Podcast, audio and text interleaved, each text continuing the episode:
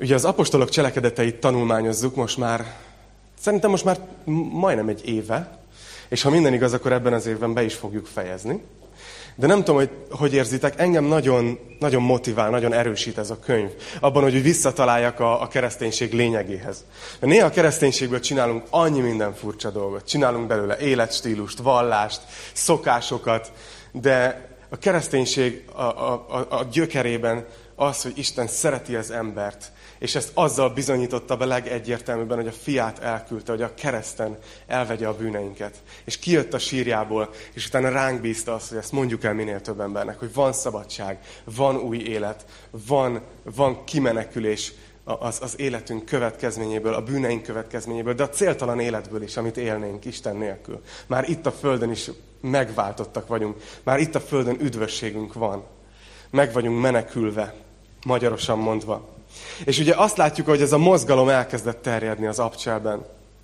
És nagyon sok gyülekezet alakult szerte a világban. Igazából mi csak egy pici részét látjuk az abcselben. Leginkább Pálapostól munkásságát követjük, hogy hova jut el az evangélium, és hol alakulnak gyülekezetek. És azt láttuk, hogy ő viszont a harmadik missziós után visszatért Jeruzsálembe, ahol hát kisebb felfordulást okozott. Minden a feje tetejére állt, amikor megérkezett.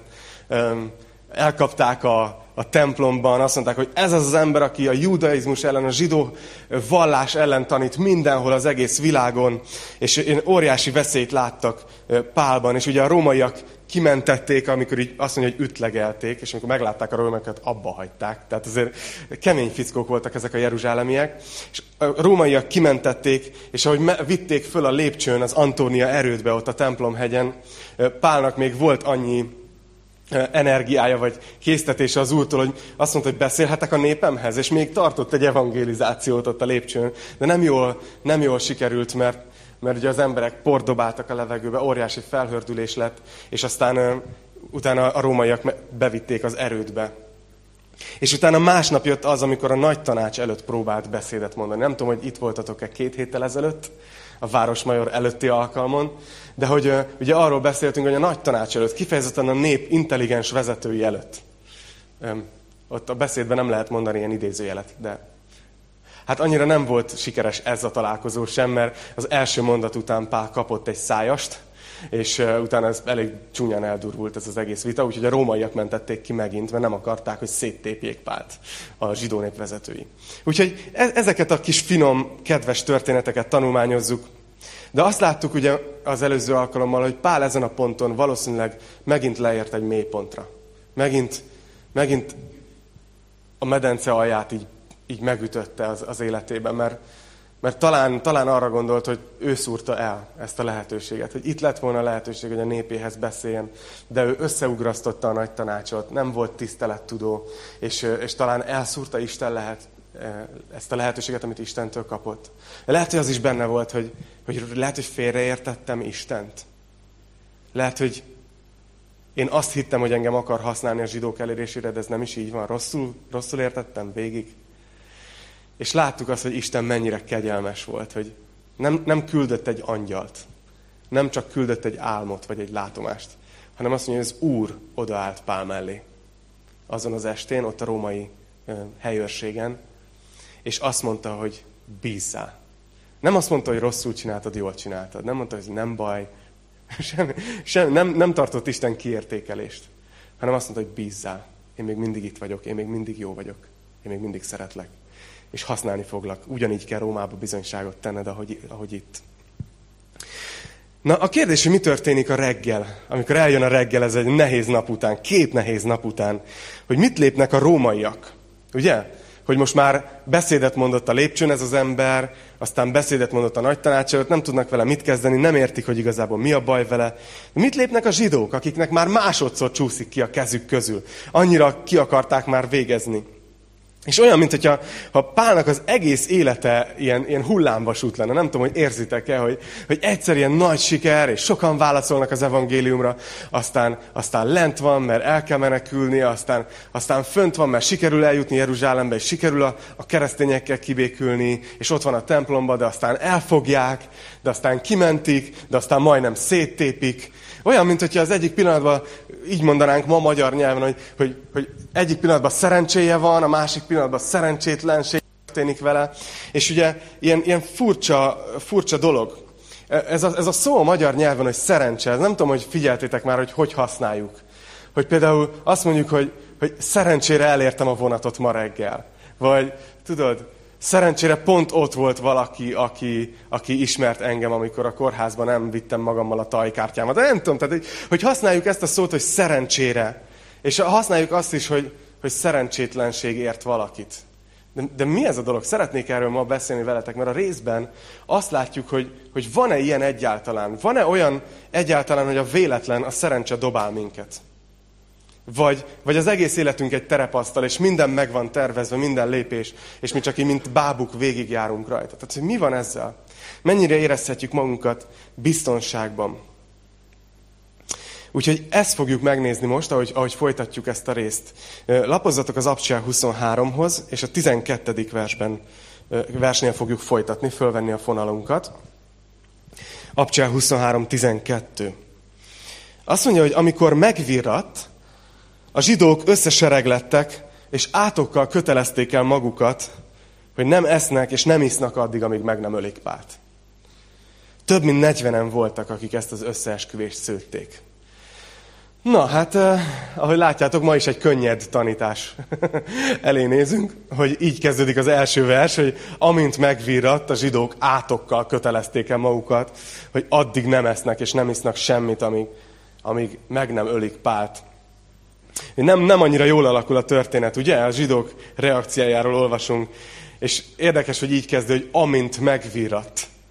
Egyébként nem tudom, hogy hányan vagytok olyanok, akik így akár olvastatok, vagy néztetek ilyen videót hatékonyságról, feladatmenedzsmentről, bármi egyéb ilyen témában. Általában mindig azt mondják, hogy, hogy vannak ilyen összefoglaló cikkek a sikeres embereknek a szokásairól, mik azok a közös szokások. És szinte minden sikeres emberben egyébként tényleg van egy ilyen közös szokás, hogy korán kelnek.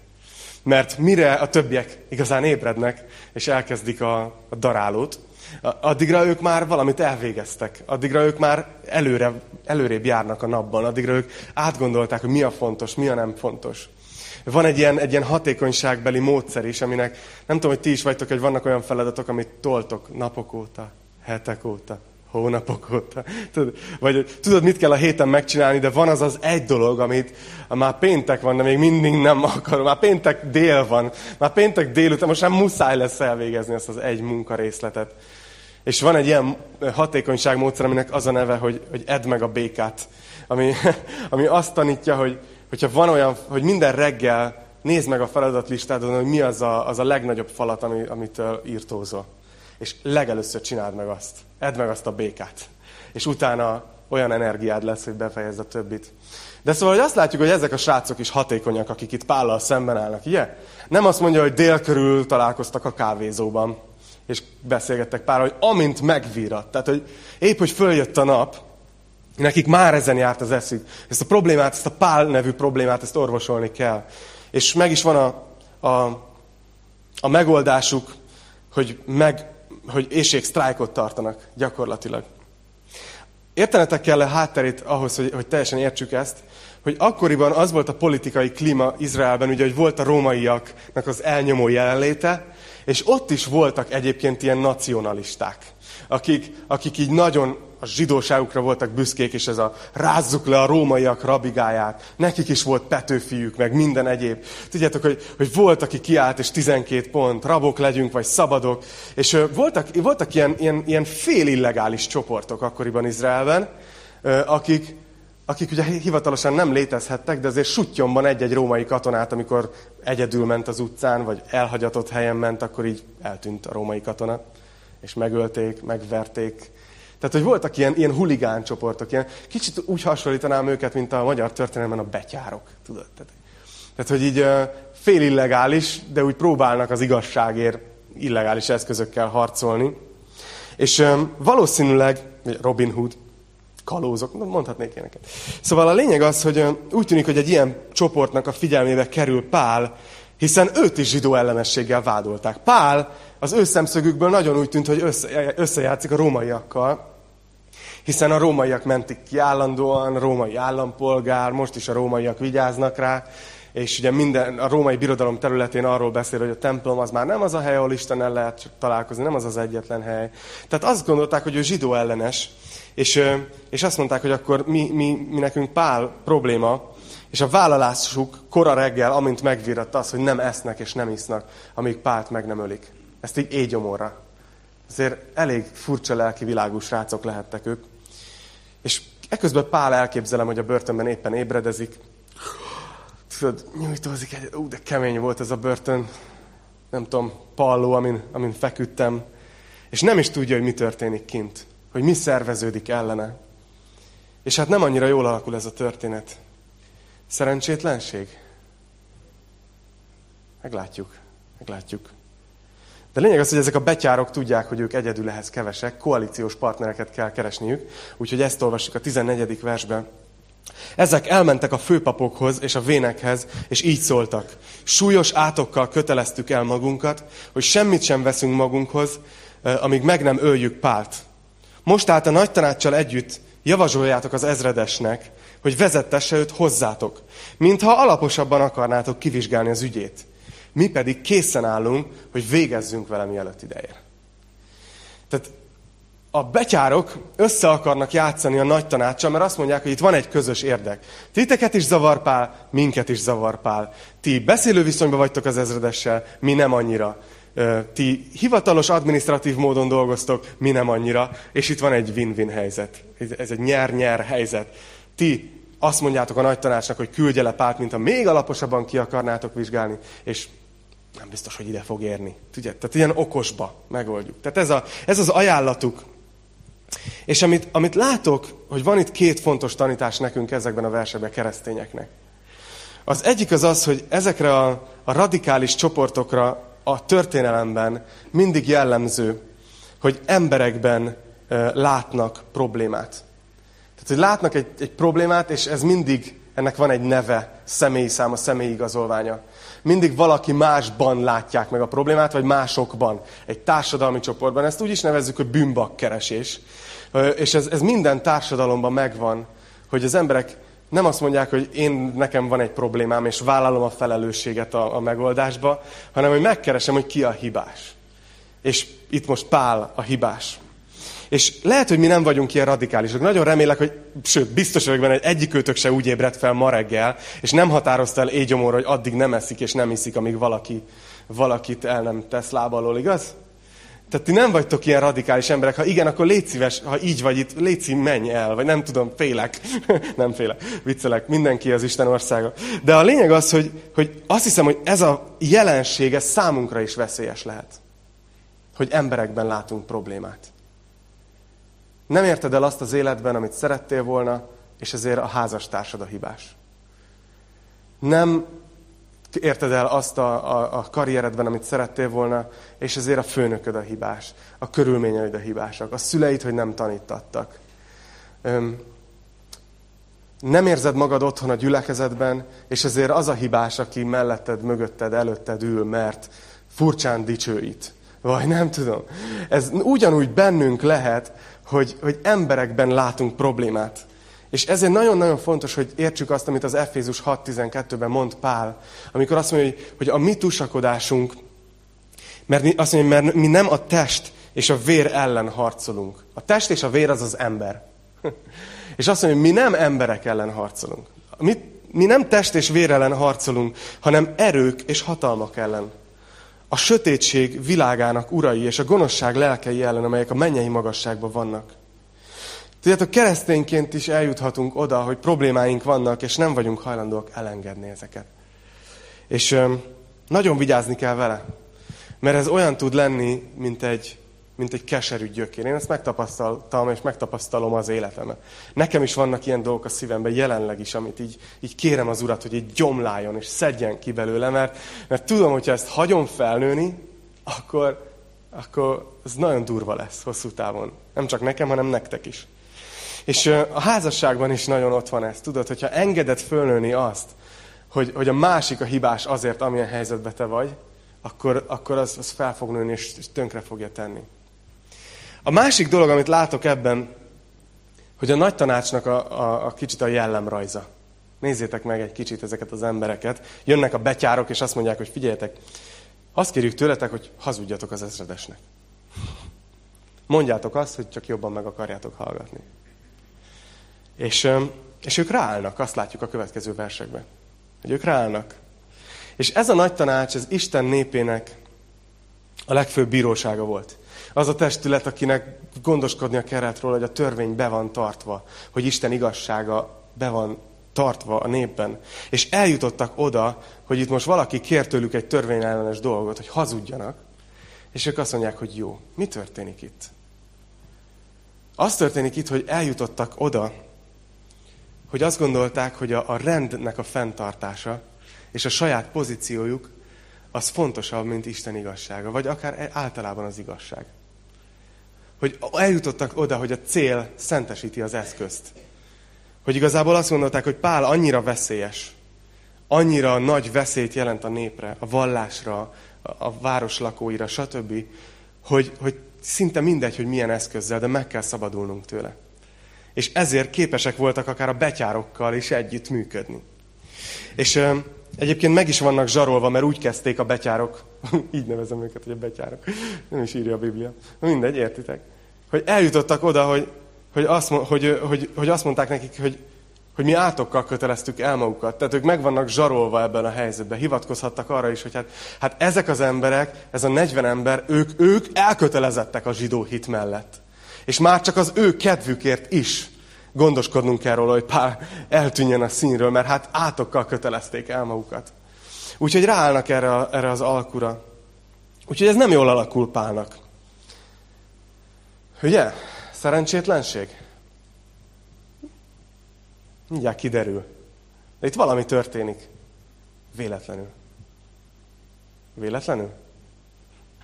16. vers. Azt mondja, hogy Pál nőtestvérének a fia azonban hallott a cselszövésről. Elment, és a várva bejutva elmondta ezt Pálnak. Hopp. Itt jön az a fordulat, amire azt mondanánk, ugye, hogy, hogy véletlen, nem szerepel itt a véletlen szó, de hogy valahogy Pál unokaöccse éppen meghallja. Pont, pont valahogy ott van, hogy meghallja ezt a készülődő össz, összeesküvést, és véletlenül bejut a várba, és el tudja mondani Pálnak, hogy mi készül. Nem tudom, hogy Pál mit érezhetett, amikor ezt hallgatja. Hogy ez a harmadik nap. és, és nem mondod, hogy most már átokkal kötelezték el magukat. Tényleg ennyire gyűlölnek? És azt mondja, hogy, hogy, hogy, hogy, a, a, hogy ja, igen, tehát ezen gondolkoztam, hogy vajon fölmerült-e Pálban ez a gondolat. Hogy, hogy szerencsém van, hogy az unokaöcsém pont meghallotta. Hogy így gondolkozott Pál? Vagy hogy jaj, de nagy szerencsétlenség, hogy ellenem szervezkednek? De, de nem erről olvasunk, hanem nem tudom, hogy, hogy látjátok-e, hogy hányféleképpen lehet értelmezni ezt a, ezt a történetet. Lehet úgy értelmezni, hogy a szerencsélek és a véletlennek a tánca, ami történik. És, de lehet egy új módon is. Lehet úgy értelmezni és olvasni ezt a történetet, hogy emlékszünk arra, hogy ezen az éjjelen Jézus megjelent Pálnak és azt mondta, hogy van folytatás. És el fogsz jutni Rómába. És hogy minden, ami történik, az valahol ebbe simul bele. Valahol ennek a része, amire Pál tart. Lehet úgy nézni ezt a történetet, hogy látjuk a láthatatlan kezet, aki, aki ha nem is irányítja az eseményeket, de az biztos, hogy irányba tartja. Hogy valahogy Pálnak el kell jutni Rómába. És Pál el fog jutni Rómába. Most lehet, hogy itt éjségsztrájk van, gyilkos szándékú, de, de ott van a láthatatlan kéz, aki, aki kontrollálja az eseményeket, aki kezébe tartja az eseményeket. Én a, a Bibliában azt látom, hogy a Föld az nem terepasztal. Az életünknek minden eseményét nem Isten idézi elő. Nem mindent Isten okoz. Nem mindent Isten csinál. De azt viszont látom az igében, hogy Isten mindenről tud és hogy mindent fel tud használni arra, hogy az ő jó indulata érvényesüljön az életünkben. Értitek ezt? Lehet, hogy ez bonyolult. Hogy van, nem tudom, hogy értitek a különbséget, hogy különbség van között, amikor azt gondolod Istenről, hogy ő, ő valami ilyen terepasztalként áll a föld fölött, és, és mindent irányít, és minden pici dolgot, minden betegséget, azt, hogy lekésted a buszt, azt, hogy akármi, azt mind Isten okozta. Más az, és más az, amikor egy olyan bizalommal élsz, hogy történnek velem dolgok, és nem azt kérdezem, hogy ezt most Isten csinálta, vagy nem, hanem, hanem azt mondod, hogy én bízok Isten jóságában, mert az az egy, az tuti biztos, hogy ő megígért, hogy a jósága és a szeretetek kísér engem minden nap. És hogy láthat, nem tudom, hogy, hogy érzitek-e, hogy nem az az igazi kérdés, hogy van-e véletlen, hogy van-e szerencse, meg szerencsétlenség, hanem az az, hogy ki vagyunk-e ezeknek szolgáltatva. Hogy, hogy ezek dobálhatnak-e minket, vagy, vagy, vagy ami, amit a Bibliában látunk, és én erről vagyok egyre inkább meggyőződve, hogy, hogy nem. Hogy élhetünk azzal a magabiztossággal, hogy Isten szeret minket. Hogy, hogy, és ezt tanuljuk kicsi leckéken, aztán nagy leckéken, aztán néha durva leckéken keresztül, de hogy, hogy megbízhatunk benne valahogy, hogy belekapaszkodhatunk, akkor is, amikor nem értjük, hogy mi történt. És hogy, és hogy, hogy láthatjuk mi is az életünkben a láthatatlan kezet. Élhetünk egy ilyen magabiztossággal emiatt. Nem, nem is magabiztossággal, Isten biztossággal, hogy ő ott van. És ő az apukánk, ő szeret minket, jót akar nekünk. És, és láthatjuk a láthatatlan kezet, azt a, azt, a, azt a láthatatlan kezet, ami át van szegezve. Ami, ami arról beszél, nincs senki, aki, aki jobban akarná az életünket terelni ő felé, jó irányba. Van ez a, ez a dal, nem tudom, hogy, hogy hányan ismeritek, hogy nem értem és nem látom át Isten tervét és szándékát. Mert tényleg nagyon sokszor ilyen helyzetbe kerülünk az életbe, hogy történnek dolgok, és ott állunk, mint egy teljesen értetlenül, hogy ez mi. Hogy mi történik. És ez az ének is erről beszél, hogy nem látom át, nem értem, hogy, hogy Istennek akkor mi a szándéka? Most, most engem egrecíroztat? Most így tesztel engem? Mit akar? Nem bizonyítottam még elég, hogy szeretem, hogy hűséges vagyok? Hogy, hogy mi van? Nem látom át sokszor Isten tervét és szándékát. És úgy folytatja az ének, hogy de azt tudom, hogy a jobbján ott van az én megváltom.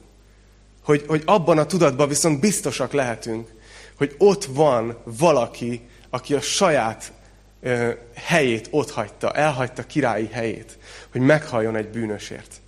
Látjátok ezt, a, ezt az óriási biztonság érzetet, amit ad nekünk Isten? Hogy láthatod a láthatatlan kezet, ami át van szegezve az életedben. Na nézzük, hogy folytatódik Pálnak ez a történet.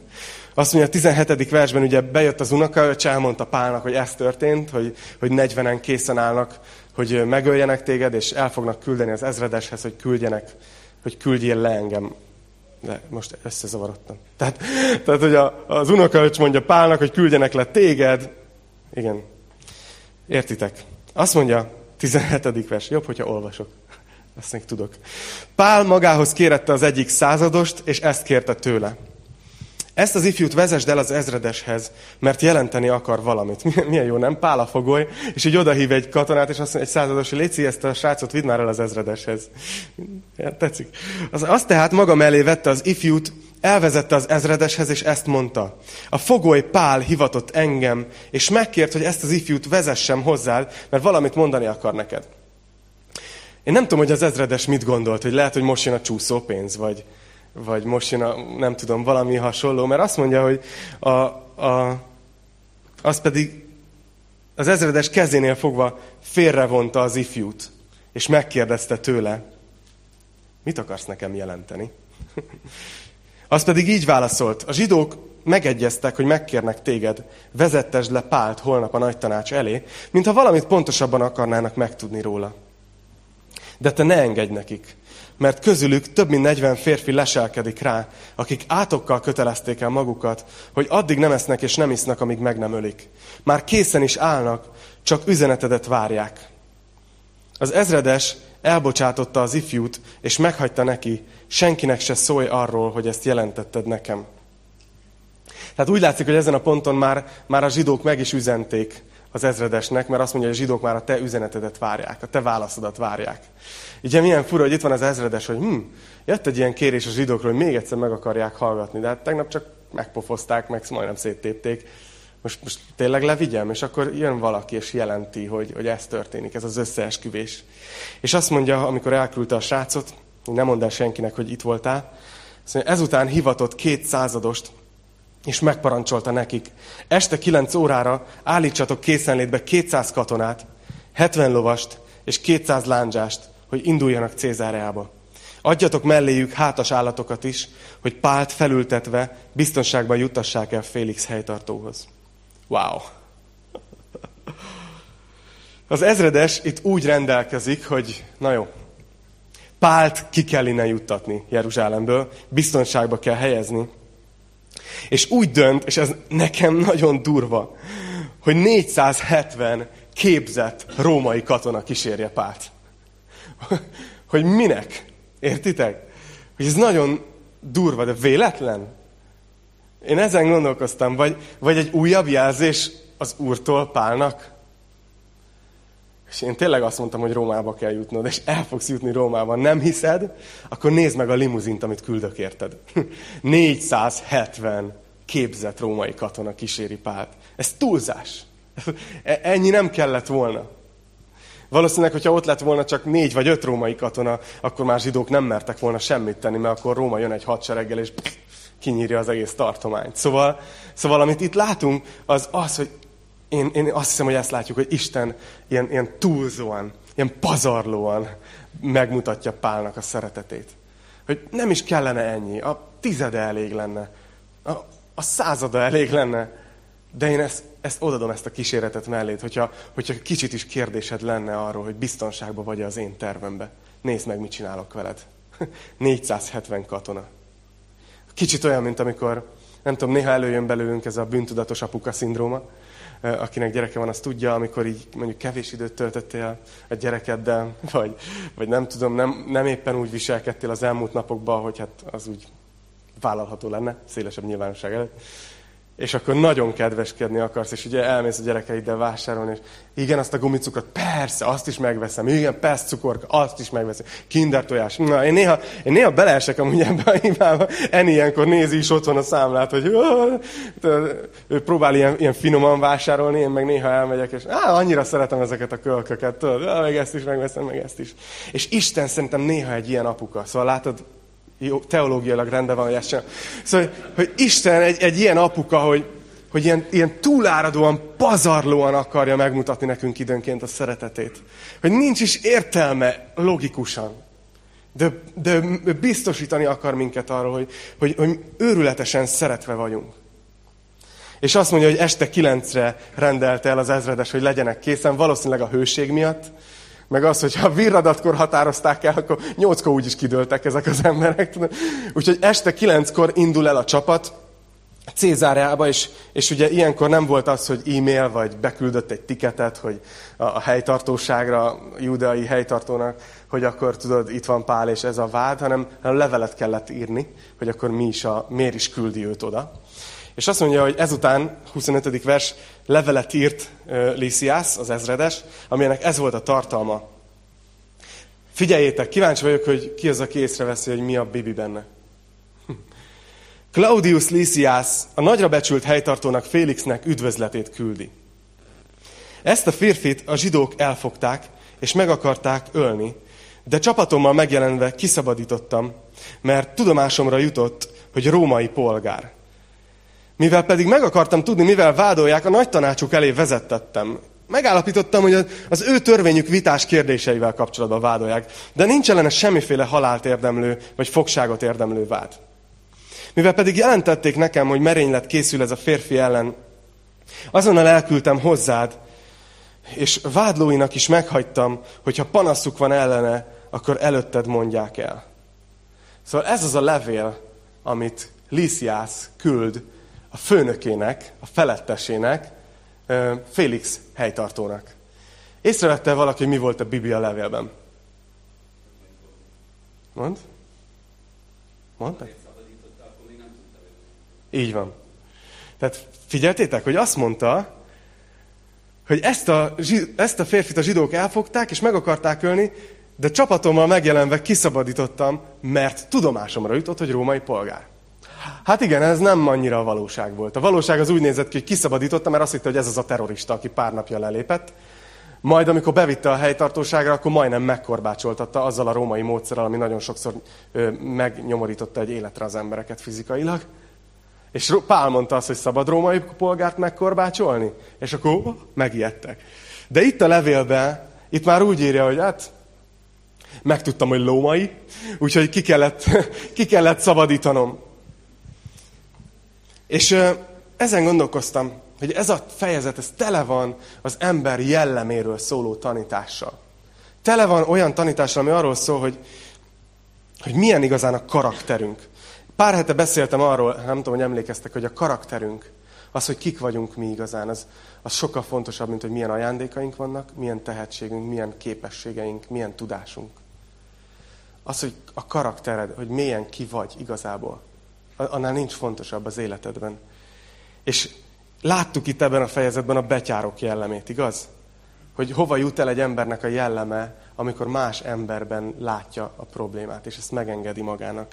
Láttuk a nagy tanács jellemét, akiknek a cél már szentesítette az eszközt, mert az értékrendszerük már felborult. Fontosabb volt a fennálló rend és a saját tekintélyük, mint Isten igazsága és Isten terve. És itt pedig látjuk Lísziász jellemét, amit talán így foglalhatnék össze, talán mi életünkben is jelentkezik ez, hogy mit mondasz, amikor senki nem tudja lecsekkolni a tényeket. Mit, hogy mesélsz el egy történetet, ahol, amit senki a jelenlévők közül nem élt át, mondjuk színezed egy kicsit, hogy jobb fejnek tűnjél benne. Ugye? Ezek jellembeli dolgok, és szerintem van, hozzám az úr szólt ezzel kapcsolatban, hogy készültem, hogy azért hogy beleesek én is. De szeretjük azért úgy elmesélni a dolgokat, nem? Hogy, hogy azért mi jó fejnek tűnjünk benne. Itt is ezt mondja az ezredesnek, vagy a helytartónak az ezredes. Lysias vetít. És ö, szeretnék csak nagyon röviden elmondani nektek egy gondolatot, és ez az, hogy a keresztény vallásra, a keresztény gyülekezetekre, a mi hitünkre nagyon sok ember úgy tekint, hogy, hogy a kereszténységnek az a lényege, hogy rossz emberekből jót csináljon. Mint egy ilyen életszerviz. Tudjátok, mint a régi matek könyvekben ezek a gépes példák, hogy bedobod ezt, meg bedobod ezt, és kijön ez. Mint hogyha úgy nézne ki ez a dolog, hogy bedobsz egy, egy bűnös, gyarló embert, meg bedobod az igét, meg a gyülekezetet, meg minden, és kijön egy megszentelődött, egy, jó ember, egy erkölcsös ember, akire fel lehet nézni, aki szereti a családját. Valójában Isten nem akkor fogad el minket, amikor megjavultunk. Hiába énekeljük, hogy egyszer megjavulok én. Hanem Isten akkor fogad el minket, amikor mi segítségül hívjuk az ő nevét. Isten nem akkor teszi ránk azt a pecsétet, hogy ez az ember igaz az én szememben, amikor sikerült összeszedni magunkat és kipucolni a szemetet az életünkből, hanem Isten akkor üti ránk ezt a pecsétet, amikor először azt mondjuk, hogy hiszek benned, Jézus Krisztus, hogy meghaltál az én bűneimért elfogadom, köszönöm. És Isten azt mondja, az én szememben mostantól igaz vagy. Persze, ez így igaz. De, de az is nagyon fontos, hogy, hogy lássuk, hogy Isten, tudjátok, szokták mondani, hogy, hogy Isten úgy fogad el, ahogy vagyunk, de nem hagy úgy minket, ahogy, ahogy vagyunk. Hogy Isten, nem tudom, hogy tapasztaljátok, hogy dolgozik a jellemünkön. És ez, ez nagyon fontos valahogy megtartani ezt az egyensúlyt, hogy, hogy Isten, Isten dolgozik rajtunk, ő szeret, szeret minket formálni közelebb az ő céljához. De ezt mindezt úgy teszi, hogy közben az üdvösségünk semmit nem változik, nem, nem kerül kérdőjel elé amikor előjön a mocsok az életedből, amit mondjuk jó szabályokkal valamivel így elmond, elnyomtál, és egyszer csak olyat teszel, amin te is meglepődsz, úgy előjön, ami ott volt bent, akkor az egyetlen személy a világegyetemben, aki ezen nem lepődik meg, az Isten. És az egyetlen e, személy, akinek semmit nem változol a szemében, az Isten. Mert az ő szemébe igaz maradsz ugyanúgy de ő viszont folyamatosan végzi. Egyszer egy barátom úgy magyarázta ezt, hogy, hogy olyan ez, mint hogyha ott van az Istennek a tökéletes törvénye, az ige, és mint egy tükör, és belenézel, és így elszörnyedsz, hogy és, és ott van mögötted egy fotel, ami a kegyelem, és abban meg így, így beleesel. És amikor összeszedted magad, akkor újra van erőz fölkelni, belenézni a tükörbe, és, és nem baj, ha újra elszörnyedsz, és újra hanyat esem, mert ott van a fotel mögötted, ami elkap. Értitek ezt az egyensúlyt? És, és azért gondolom, hogy nagyon fontos, hogy dolgozzunk a jellemünkön. Mert ilyen a társadalmunk, ezért beszélek erről. Amit itt Lysias csinál kicsiben, azt mi nagyba toljuk. Mi posztolunk, amiben mi vagyunk, a mi Facebook oldalunkon mi vagyunk a legkirályabbak. A mi Instagram profilunkon mi vagyunk a legmenőbbek, igaz? És, és valahogy ránk is vetíti a világ. Mondtam a Petinek egyik, egyik alkalommal, azt hiszem a Balcsiba beszélgettünk, hogy ma mindenki híres akar lenni. De tényleg valahol így van. A Gergő idézte a Well Hello-t, akik éneklik, hogy nem akarsz semmi lenni, csak híres. Tehát, hogy valahogy benne van a, a társadalmunkban ez, hogy vetítünk, akarunk jót mutatni, tudod, nagyobbnak mutatni magunkat, mint amilyenek igazán vagyunk. És annyira tetszett nekem, jó barátom, és volt is itt a gyülekezetben szolgált Malajziából a Josh Jó. Ő mondta azt, hogy neki az egyik imája az volt, hogy Isten, ne adj nekem nagyobb színpadot, mint amennyit a jellemem elbír.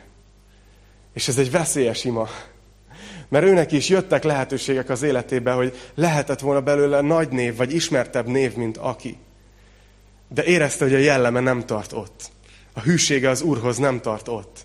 És ezért ezt kérte, hogy, hogy ne adjon Isten ilyen lehetőségeket. És ez nekem nagyon tetszett. Azt mondja Jézus a Máté 16-ban. Mit használ az embernek, az egész világot megnyeri? De lelkében kártva. Hogyha ott belül igazából tudjuk, hogy mi van, akkor kit érdekel, hogy mit gondolnak rólunk? Na nézzük tovább Pál útját, itt a 470 katonával. Azt mondja a 31. versben, a katonák tehát a kapott parancs értelmében átvették Pált, és az éjszaka folyamán elvitték Antipatrisba.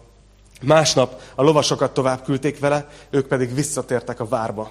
Szóval azt látjuk, hogy, hogy eljutnak Antipatrisig, és odáig megy ez a 470 katona vele, ott Antipatrisnál visszafordul a 400 katona, tehát a 200 katona és a 200 lándzsás, és csak a lovasok, a 70 lovas visz, csak, értitek? Csak 70 lovas kíséri utána tovább Pál. És ez azért volt, mert addig tartott a zsidók lakta terület, tehát addig volt a legveszélyesebb szakasz. És elér Pál Cézáreába. Azt mondja, amikor megérkeztek Cézáreába, átadták a levelet, azt a valós tartalmut, a helytartónak, és elébe vezették Pált is. A helytartó elolvasta a levelet, és megkérdezte Páltól, hogy melyik tartományból való. Amikor megtudta, hogy Kilikiából így szólt, akkor foglak kihallgatni, ha vádlóid is megérkeztek. És megparancsolta, hogy Heródes palotájában őrizzék. A városa, ahol most tartunk a történetben, az, az a tengerparton feküdt Heródes építette, kb. 110, 110 kilométerre volt Jeruzsálemtől így északnyugatra. És a judeai provincia, tehát a rómaiak ugye provinciákra osztották a birodalmat, és a judeai provinciának volt ez a fővárosa, ez volt az administratív központja, tehát itt volt a helytartó, és a legfontosabb városokban, mint Jeruzsálem, állomásoztatott ezredeseket. Tehát itt most Pál megérkezik a, a rómaiaknak a központjába, ami érdekes, hogy a Biblián kívül itt Cézáreában tártak fel a régészek egy, egy, egy, egy követ, amin szerepel Poncius Pilátus helytartó neve. Tehát érdekes, hogy a, a történelem és a régészet hogy támasztja alá. Nagyon érdekes, hogy Poncius Pilátus valahogy kimaradt egyébként így a történelmi fejlesztésekből, de, de ott találtak egy követ, amin ott van a neve, hogy Júde helytartója volt. Amit mi tudunk az igéből, hogy így volt. És a, a, erről elolvassa ezt a, ezt a levelet az ezredes, és azt mondja, hogy, hogy hát honnan való vagy. Olyan, mint meg akarná tudni, akkor melyik tartományból való vagy, hogy biztos ide tartozol, vagy máshol kéne sorszámot húznod. Tudjátok, mint a magyar telefonos rendszerekből, hogy kapcsolom, kapcsolom, de, de mondja, hogy Kilikiából, és az sajnos a júdeai provinciához tartozott, vagy ehhez a részhez, ehhez a, azokhoz a provinciákhoz, ahol ő volt a vezető. És, és ezért sajnos neki kell vele foglalkozni, úgyhogy úgy dönt, hogy napolja az egészet és azt mondja, hogy majd akkor foglak kihallgatni, ha vádlóid megjönnek, addig nem is, nem is foglalkozok veled. És azt mondja, hogy Herodes palotájában őrizzék, azt parancsolta meg. Herodes palotája, írjátok be a Google-be, ha hazamentek, képkeresőbe, megtaláljátok a romjait. A tengerparton volt, és az egyik első olyan palota volt, aminek ugye ott van a sósvízű tenger, és volt egy édesvízű medencéje, amit a Kármel hegyről szállítottak viaduktal, meg mindent korabeli jacuzzi. Tehát, hogy így nagyon kemény. Heródes tudott élni, meg a rómaiak. És um, gyönyörű kiáltással a földközi tengerrel. Most nem tudjuk, hogy Pált itt mennyire tartották szigorúan. Mennyire zárták a mély, legmélyebb börtönbe, de valószínűleg nem. Tehát ő, ő ebben a státuszban, majd látni fogjuk később is, hogy a rómaiak úgy bántak vele, hogy még azt is megengedték időnként, hogy elmenjen maga és meglátogasson barátait, mert tudták, hogy nem fog lelépni. Tehát itt van Heródes palotájában Pál. Még egy dolog, mi lett ezzel a 40 emberrel? nem tudom, gondolkoztatok ezen valaha? Ilyen altak, nem tudom. Képzeld hogy én, én fiatalkorom óta gondolkoztam, de soha nem néztem utána, hogy vajon mi lehetett velük, hogy azt mondták, hogy addig nem eszünk. Hát, az, az itt most elég szerencsétlenül alakul, a szabad ilyet mondani. És ezt olvastam a, a korabeli dolgokhoz értő emberektől, hogy, hogy akkoriban nagyon kreatívak voltak a, rabbik, és azt mondták, hogy van négy körülmény, amiben fel lehet oldani egy esküt. Hogyha rábeszélésre tettél esküt, hogyha, hogyha túlzásba estél, hogyha téves infók alapján tettél esküt, és hogyha külső körülmény miatt nem tudod megvalósítani. Na most ez, ez, ez, ez nagyon, szerintem ezt feladnám a mai jogászoknak, tehát ez a, hogy fedjük le, hogy bármilyen esküt fel lehessen menteni. Tehát kb, kb. ez az. Úgyhogy nagyon nagy valószínűleg, nagyon nagy valószínűséggel jót kajáltak ezek után is, és tervezgették az újabb akciókat. Ezzel szeretném befejezni, hogy Pál hullámvasútja az most ideért. És Két évig itt lesz Heródes palotájában. Olyan, mintha az úr a sok megpróbáltatás, nehézség után adna neki egy kis pihenést. Ahol igazából majd meglátjátok, hogy nagyon, nagyon, nagyon jó dolgok történnek vele ebben a fogságban, itt Heródes palotájában. Olyan, olyan lehetőségeket fog adni neki az Úr, amilyet, amilyet korábban nem is kapott. Mert Pál nem a bal szerencse, meg a szerencse, meg a véletlennek a vonatán ült, vonatján ült, hanem ő Isten kezében volt. És szeretnélek ezzel bátorítani titeket ma reggel. Nem, nem tudom mindenkiről, hogy hogy érkezett ma reggel, hogy hogy érzed az életedet, hogy alakul. De jó, ha tudod, hogy nem a szerencse és nem a véletlen vonatján ülsz ilyen hullámvasúton, hanem Isten kezében vagy. És ő, és ő nem enged ki. Jézus imádkozott a János 17-ben, és azt mondja, akiket nekem adtál, azokat én megtartottam, és egy se veszett el közülük. Látjátok, hogy, hogy nekünk ez lehet a, a bizalmunk, ez lehet a bizalmunk Isten felé. Hogy élhetjük az életünket, nem magabiztosan, hanem Isten biztosan, de tényleg. Bízhatunk benne.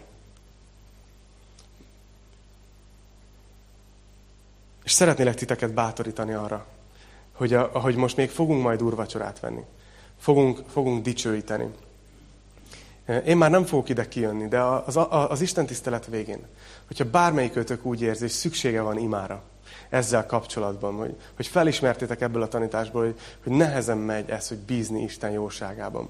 Vagy felismerted, hogy igen, emberekben látod a problémát. Vagy felismertél jellemhibákat, akár így a tanítás során. Akkor bátran gyertek oda bármelyikünkhöz. Gergő itt van, Peti itt van, Fodorzal itt van, akár egymásért is imádkozzatok nyugodtan, de szeretnék én is bármelyik ötökért imádkozni, aki ezt, aki ezt szeretné. És azokat a nagyszerű lehetőségeket, hogy mik is fognak itt adódni Pálnak, mi fog történni Heródes palotájában, az, ahogy telik ez a két év, az, az nagyon izgalmas lesz, és ezzel fog, fogjuk folytatni Horog Gergővel jövő héten. Úgyhogy készítsétek erre a szíveteket, fejeteket, jegyzetfüzeteiteket. Imádkozzunk. Drága mennyei atyám, köszönöm neked azt, hogy te egy olyan Isten vagy, aki elkötelezted magad mellettünk. Nem feltételrendszerrel. Nem azt mondtad, hogy ha bizonyos dolgokat teljesítünk, akkor te szeretsz minket, hanem te egyoldalúan elkötelezted magad mellettünk. És köszönöm azt, hogy, hogy a te szeretetedet a mi irányunkba semmi semmi nem tudja megingatni, még mi sem. És Uram, annyira imádkozom a Te népedért, annyira imádkozom ezért a gyülekezetért, de a többi magyar gyülekezetért is. Uram, hogy járhassanak úgy a Te gyermekeid, hogy Isten biztosak, hogy, hogy teljes szívükkel bíznak benned az atyukban. Uram, imádkozom, hogy nem tudom, hogy mire van erre, ehhez szükség. Nem tudom, hogy minek kell átkattanni a fejünkben, a szívünkben. De kérlek, hogy valahogy végezd ezt a munkát most, ahogy dicsőíteni fogunk téged, és hogy megyünk is a szolgálati helyeinkre hétközben, hogy, hogy merjünk rá támaszkodni, belesüppedni ebbe a fotelbe, ami a, ami a te kegyelmed, a te szereteted, a te visszavonhatatlan ajándékod nekünk. A te megbánhatatlan elhívásod az életünkre. Ezért imádkozom az Úr Jézus nevében. Szeretünk téged, atyánk. Amen. Amen.